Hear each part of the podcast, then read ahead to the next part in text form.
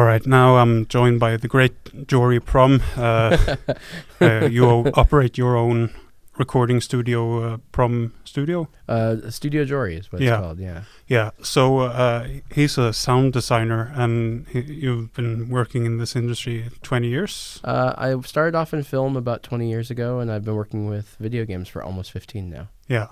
So uh, a little bit about your background. You started working in games with LucasArts, right? That's right. I actually did one game before I worked at LucasArts for a small company in Southern California.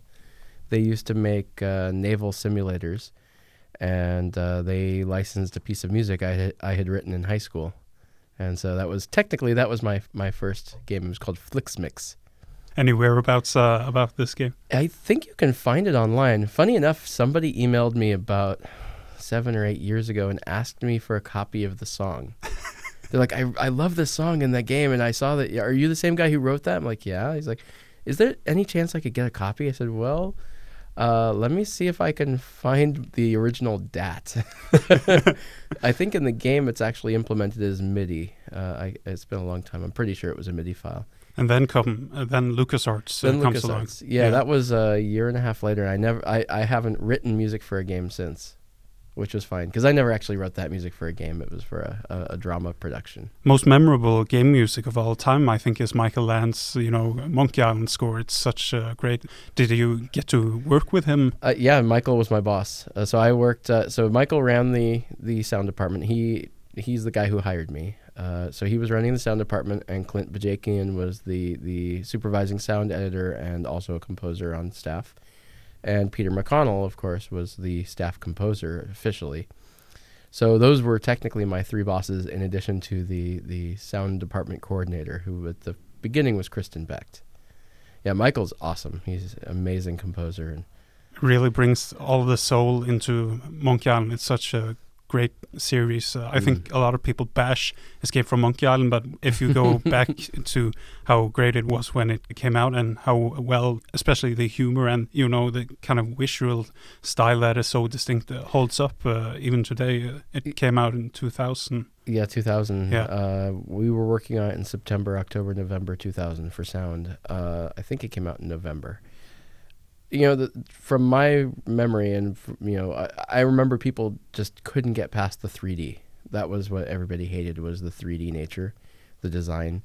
Everybody was so taken with the art design from Curse of Mon- Monkey Island, which was uh, Bill Tiller, that they couldn't get past that and just enjoy the game. I thought Escape was really fun. Um, you know, we, we it was known in the company as uh, EFMI, which is you know that was uh, Mike Stemmle's little acronym, which you're actually supposed to pronounce as FME, and most people don't even know that. Most times you see it's it's uh, written up as uh, EMI. The the fans write it that way, but it's actually FME.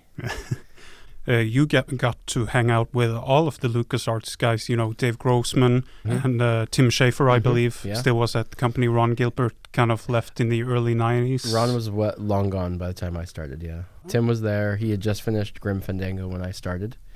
Uh, they uh, they were they were looking for a sound department coordinator uh, during Grim Fandango, and the the schedule precluded them from actually going through and hiring somebody. So I got hired. hired uh, well, I went through a whole interview process that took four months, and then hired right after that. Do you think Grim Fandango is dead? Dead? I thought it was an awesome. game. No, no. uh, don't get me wrong; it's an amazing game, but you know, will we ever ever see Grim Fandango too? Oh no, we won't see a we no. Uh, yeah, there's no there won't be a sequel. I mean, I, I can't see a reason why Tim would do one. You know, Tim's not the kind of guy who generally goes back and redoes things or looks backwards. He's he's off doing newer and better things, and and you know, hi I think the way he approaches games is has changed a little bit, which is, you know, uh, when they started uh, doing Double Fine, you know, they were trying to do those big titles, and they did that, and it worked for a while. You know, it it, it didn't succeed as qu- quite as well with either Psychonauts or Brutal Legend, and so they changed changed the way they, they do their work, and so now they're working on much smaller titles, things that they can get released quicker, so they're not spending six years in production. So if he was to do something like Grim, either he'd have to try and chop it into something smaller, or he'd have to take the risk of a six-year production. I, I'm not sure he wants to do that anymore. I don't know. I can't speak for Tim. I don't get the sense he's gonna he's gonna revisit. He doesn't seem to keep repeating himself. You know, Mm-hmm. stacking is such distinct, and you know, Costume Quests. Uh, Yeah. You know, Yeah, uh, you never see it coming. Well, and the fun thing is like Tasha, who made uh, made Costume Quest, is one of my colleagues from Cal Arts from my university. So you know we we went to school together. So it's fun to see, you know, people that I was working with the you know most of the animators, and they've all come along and done other things. And she she was at Pixar for a while. She had a bunk bed in her cubicle at Pixar, and then moved on to Double Fine. and Has been really successful there. Do you know uh, Dominic Armato, the Yeah, yeah. Guybrush guy? He, yeah. he well he recorded all the dialogue for Tales of Monkey Island at my studio. For Escape, uh, did a different person do it? Uh, I was not involved with the voice production on FME. Uh, I was only involved on on uh, the sound design side. So, I my first and primary task was all the uh, all the ambiances, and then I I lent a hand to the sound design. Uh, so, I was kind of the the uh, additional sound designer at that point. So I, I, I remember creating the sound of the sushi boat mechanism, uh, and Uh, or at Lua Bar when Yeah. they took over, you know, uh, Exactly. when SCUMM Bar was taken over by Lua Bar because of the the gentrification. Yeah. yeah and all the the scripting language or whatever. Well, yeah, they, they, they had switched. The, the the engine was now Lua instead of SCUMM, and they decided to make that joke in the game, which I thought was awesome. Yeah. Do you think uh, we'll see more Monkey Island? I read a press release from Telltale saying we don't see uh, doing anything with this in the near future. I didn't see that press release. Uh, I haven't heard of anything new, and I would love to hear about it. I mean, I would love to be re- making more Monkey Island, but uh, you know, the thing about those adventure games, they have a, a, a smaller marketplace, which is a shame to have to admit. But this is also, you know, what I see as you know one of the problems that LucasArts had was that they had gotten to this place where you know selling 250 or 400,000 copies of a game wasn't wasn't uh, you know a good enough financial incentive for them. They didn't feel like it was successful enough where they they could sell you know one to five million copies of something that had a Star Wars label on it. You know, if it was a decent game, it didn't even have to be a great game. It just had to be decent. Um, so that you know, I think you'll you're we're starting to see a little bit of that on in a lot of the more successful companies where they they've you know gone from selling you know smaller amounts and now seeing bigger success and going well we don't want to go back to sm- selling smaller Uh, you know, the HD graphics it costs a lot of m- more money. Uh, well i don't think the graphics is so much the issue i you know i honestly i don't think people care that much about the graphics as as much as the hardcore gamers scream about them yeah. i would i would say that's a niche that that really cares that things are spectacular looking. Hd graphics you know honestly with uh, when I, I i have a wii at home i don't have an xbox 360 i don't have a playstation 3 i've never owned either uh, i've never owned an xbox at all. I had a playstation 2 it was given to me as a christmas gift by uh, by lucasarts. So I, I played it for a while but you know uh, i'm not a hardcore gamer i'm a casual gamer and a puzzle gamer and a board gamer and an adventure gamer really a lot i don't care if the graphics are the top notch uh, you know No, but it costs more money now to make graphics than before. I, I Maybe read. I'm. I, I don't know about that because I'm. I'm not involved with that. But but I just, you know, unless the inflation on artists has gone up tremendously, which I'm not sure that it has. Hmm. You know, it's only the the the amount of programming and engineering that's changing in terms of the implementation for HD. But you know, if HD is such a big deal, why did people buy Wii Wii's uh, in such droves? And why are people playing, you know, m- games on mobile devices? It, it- you know, Telltale's games don't have the most spectacular graphics. They have incredible stories, and people buy them because they have incredible stories. And you know, Tales of Monkey Island, I really liked that game, especially Thanks. towards uh, the end, because a lot of criticism was uh, on the first episode about the human appearance and and everything. And you know, they fixed that, and they really listened. Uh, Mm. What I felt was criticism that wasn't trolling the developer. Telltale's always done that too, ever since the very beginning. Uh, you know, especially with I remember doing Sam and Max, uh, the first season. It was the first time that they had started putting out uh, a series of games that were all interconnected, and nobody had ever done that before. At least not that I'm aware of. So here you had six episodes slated for release. The first episode comes out. People played it. Uh, some people bitched about the voices, but in general, people generally liked it. Second episode came out, and people bitched that it was kind of a little short and they didn't understand, you know, this or that. And you know, it was uh, it, it, you, there was a lot of criticism. Uh, there was less criticism about the voices, which was nice. And then it came along to the third episode, and they bitched a little bit about the story. But by the fifth and sixth episodes, people started to catch on that what was actually happening was that there was this overarching story across the uh, across the entire season, Hmm. and nobody'd seen that before. And you know, we knew it in house. So as the criticisms were coming in when the first episode came out, we were already working on the third episode. And so the first episode is out. We're working on the third one, and some of the the things that were showing up in reviews were definitely being discussed and worked with in, in this the game studio. So sometimes it was things that we were making slight variations in the dialogue, but mostly it was design changes. And so that was one of the best things that Telltale had available to them, and they still do, is that they're still working on the project while the game is being released, so they can start to take people's feedback and utilize that. They also get to learn a lot about how the game works. The, the Walking Dead is a perfect ex- example of that. Yeah, which you worked on uh, with. Telltales. Yeah. Yeah, I recorded all the dialogue. So the uh, the Walking Dead started off as you know all the decision trees, but quite a few puzzles. And over time, they realized that the decisions were actually the fun part of the game, and they started changing the design. And you know, it took a lot of a lot of effort to to get to the point where they had they had really figured out what makes this game tick.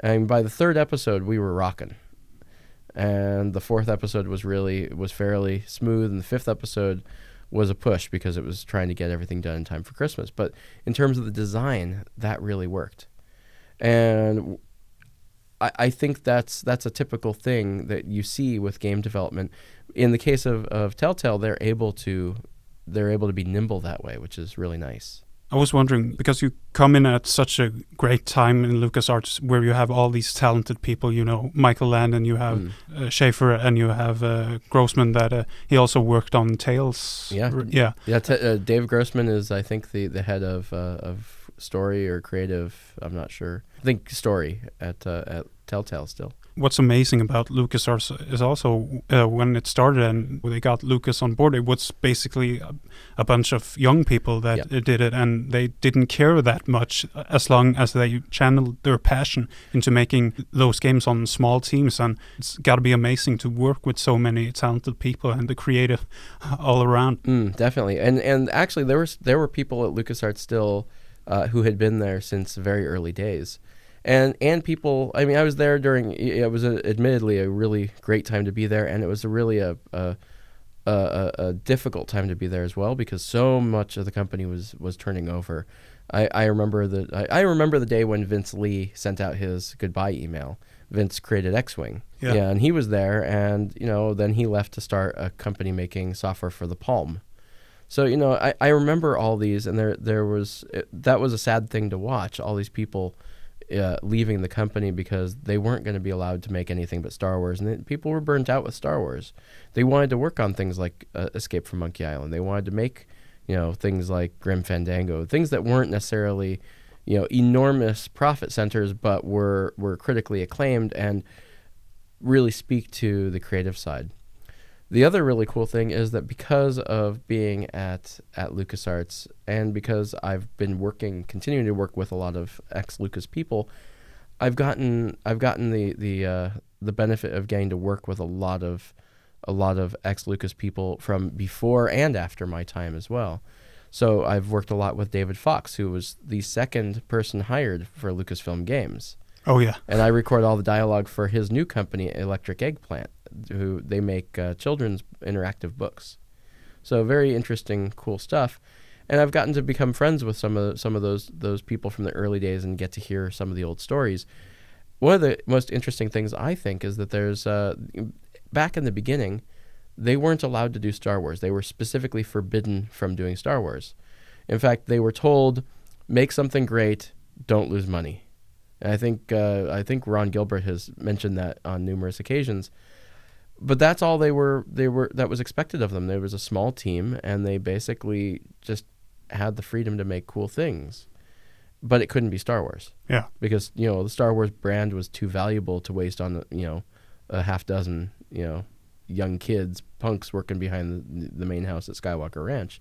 Much better to just you know l- license that out to a big company like Nintendo or Sega and let them just pay guaranteed money. Did you see sort of the twilight of LucasArts that eventually became? Did you see that coming when you were with the company? Yeah, yeah. Uh, there, during my time at LucasArts, I worked on 14 titles during just the two years I worked there, and a majority of those were were Episode One related uh, uh, uh, Star Wars games. Some of them were LucasArts games. Some of them were Lucas Learning games.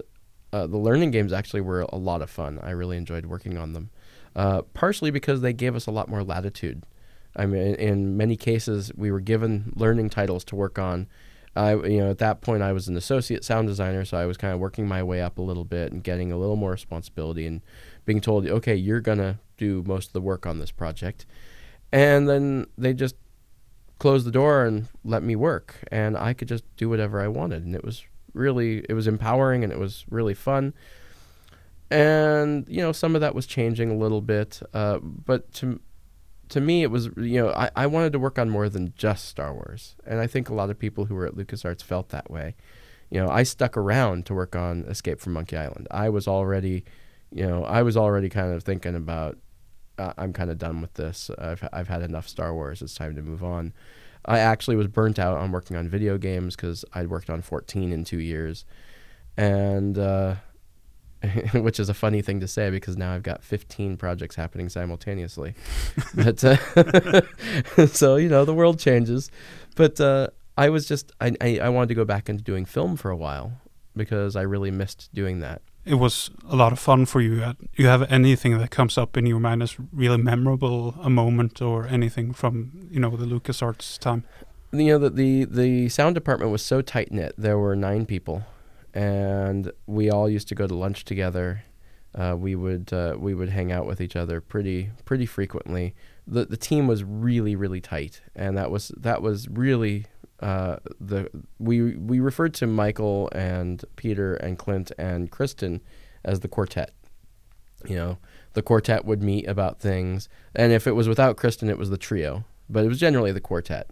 And so, because of the way the quartet really ran the department and kept people really close, we all did things together. I mean, the interview process was like that too. We'd be in, uh, we'd be in an, an interview with with potential new sound designers, and it was the whole group. And that's how I interviewed too. You know, it's like trial by fire. Here, meet the entire intimidating sound team from Lucas. Hi, hire me, please. You know, it, it was a it, it was a trip. We used to go on retreats together. So, you know, once or twice a year, the whole sound department would go do something together. So maybe we'd go out to the Marin Headlands and, uh, and I, this there was a retreat I remember that uh, I've heard lots about. I have the resulting sound files from it, or at least I did, uh, where they went and just banged on big steel, you know, iron doors and steel doors in the old uh, batteries from that used to be used to defend San Francisco Bay. Yeah. And there was another one where we all went together to uh, to a, a, cabin and just all had a nice fun weekend. So you know those those were those were really fun days. You know, having that kind of really close camaraderie was great. That's definitely something I miss to a degree. Uh, you know, I'm self-employed now, so I spend most of my time, you know, by myself working on my own things or working on projects for clients. And the clients leave; they go and go back to work, and I sit there and keep working until two or three in the morning. And then when I'm not in the studio, I go do something else. You know, but uh, I still get invited to some of the some of the company parties, and you know, like Tell, uh, Telltale invites me along to their their Fourth of July and things like that, which is it's really nice. Mhm. But I don't I don't have that kind of interaction on a daily basis in the same way, and that was really that was really awesome at LucasArts. If Telltale decides to make another Monkey Island game or maybe a new Maniac Mansion or anything from the old days, uh, they can call you. And uh, oh yeah, yeah. I'd be on it in a heartbeat. Uh, that basically when when I I built my recording studio in 2004, I had heard through the grapevine that uh, that they were planning on uh, that three people I knew from LucasArts were leaving and planning to start a new company to make adventure games, and that was uh, that was what became Telltale. And my first reaction was, I want those jobs. I want every one of those jobs. I don't care what it takes. They need to come work at my studio. That's what I want to be doing. And I'm very fortunate I've gotten to do that. You travel the world now, and you do a lot of uh, you know work for. You're basically a gun for hire Mm. in uh, sound design. Yeah, and and recording as well. Anything sound related. Uh, I don't do much composition anymore. I haven't in a long time, but I've got incredible composers I work with, and you know, I work. I, I bring on really good people for that.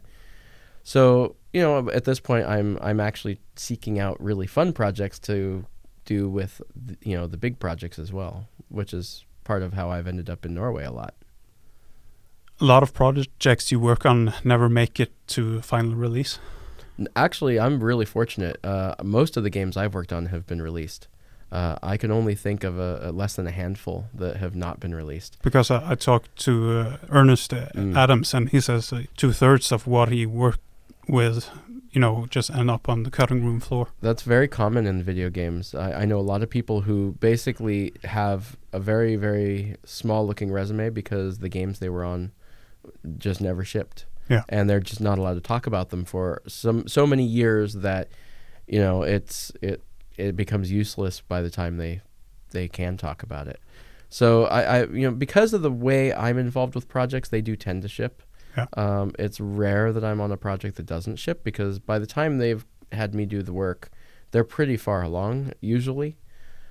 One project I worked on uh, a few years ago hasn't shipped, and I keep wondering if it's if it's still happening. The last I heard, it was, and then I haven't checked in on it recently. Like in the last year, I haven't checked. Why do you think uh, there was such a long time between Escape from Monkey Island and Tales of Monkey Island? Well, somebody would have to license it because LucasArts wasn't going to make it. Uh, Escape from Monkey Island was a great game, but it you know it didn't get it got some critical acclaim, but not quite to the degree that say Grim Fandango got. Or It Curse all- 3? Uh, or which one? Uh, Curse of Monkey Island. Oh, Curse. Yeah. Yeah. Well, Curse was huge. Yeah. Um, with uh, you know, because they can't sell enormous quantities, they're not going to sell a million copies of Monkey Island. It's just not going to happen. And there isn't that big of market. Uh, people, you know, th- th- there's a limited amount of people who want to play, you know, a game about a goofy pirate, you know, who, you know, has to do weird things like, you know, deal with rubber chickens with the pulley in the middle. you know, so there's there's a limited call for that. There's not that big a market. Whereas you know, Angry Birds, Star Wars, Star Wars Angry Birds. There's a huge market for that. Yeah. Or you know, a, a game where where you get to uh, where you get to wield a lightsaber. Any game like that is going to sell hugely because Ever pe- play Star Wars Kinect? I haven't. It's pretty Uh, bad. I, I, yeah.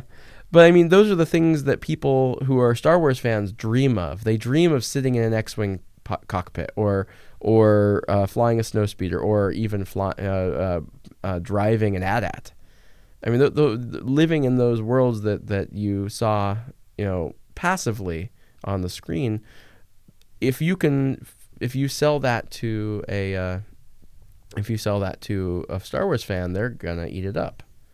I'm surprised they didn't make a Star Wars themed Minecraft. Honestly, Yeah. I mean, uh, we had Star Wars Lego. Why not Star Wars Minecraft? It Did you like- ever heard about the Star Wars GTA that they Yeah. uh, were making at Yeah. uh, LucasArts, but uh, then they uh, That was mentioned in the Kotaku article yeah that week. yeah that really long long re- really liked uh, that about the demise of LucasArts. You can check it out on Kotaku.com. That was an amazing article. Yeah, the article is really cool. It, it, I think the article is very, very accurate. Uh, I mean, I, I can't speak to anything that really happened after 2001 because I left it in January 2001, and so I have no direct involvement uh, with how the company worked at all. Uh, I did some work with the company, and you know they hired me as kind of their overflow studio uh, or or troubleshooting. I mean, I used to get jobs from LucasArts that were kind of these fun little jobs. I, I remember at GDC one year, uh, I I was warned by some one of the other sound designers, "Hey, uh, if you haven't heard from so and so, you're going to." I'm like, "Okay, what's up?" He's like, "Well, we did a session the other day, and we uh, we recorded the whole session before we realized that Pro Tools and the uh, digital uh, mixing board were actually set for two different sample rates, so everybody sounds like chipmunks. Yeah. Um, can you fix it?" I said, "Sure, send me the files." And uh, he says be sure to charge us a lot like okay i can do that like uh, two hours like make it four i'm like okay i can do that Yeah. and it took me 20 minutes Yeah. you know so I, I used to get a lot of those types of things because i have a lot of expertise in dealing with file manipulation and, and managing large file sets so Yeah. it's you know so I, I don't really know firsthand about you know working under people like jim ward or any of the other people who took over the company after Simon Jeffries. Simon was awesome. The real problem is the management was, you know, expected to do certain things. And in a lot of cases, the management at LucasArts had their hands tied as well. I mean, it, reading the article was really interesting to hear how much involvement George had. Because when I was at Lu- George Lucas. yeah, because when I was uh, when I was at LucasArts, we never saw George, ever. I mean, he was not interested in video games. He didn't come down to LucasArts. I, I can't recall him ever coming to LucasArts during the two years I was there. It might have happened. I just don't know. Yeah. Um, I, I caused Gordon Radley to come down to LucasArts one time. That was the president of Lucasfilm, but uh, that was uh, that was fun and slightly embarrassing. so you know, uh, but I was really impressed to see, or interested to see, that George had actually come down and was was changing things in the story development of thirteen thirteen, because I I didn't know he actually was involved in any way in the game's development aspects. So that was that was intriguing.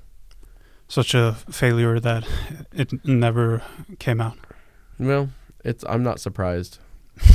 I mean, uh, I, I put it this way: uh, every company I have ever worked for full time is either Disney or has become Disney. it's it's kind of frightening. Yeah. I, I worked at Disney at one point, Disney Online, and before that, I worked at Jim Henson's Creature Shop, and that's owned by Disney. And now Lucasfilm is owned by Disney, and I've done work for Pixar, who is also owned by Disney now. I keep waiting for them to give me an offer for my company, but uh, then they'd have to lay me off. Yeah. You can thank you so much for your time. Uh, we have to close shop here, uh, but uh, my pleasure. yeah, Thank you for having uh, me. you can check out more info at studio.jory, uh, J O R Y hmm dot org, uh, and uh, your Twitter handle. Is Y R O J J O R Y. It's my name backwards and forwards, and it confuses the hell out of everybody. Okay, thank you so much for Thank- coming down. Thank Yeah, you. Thank you.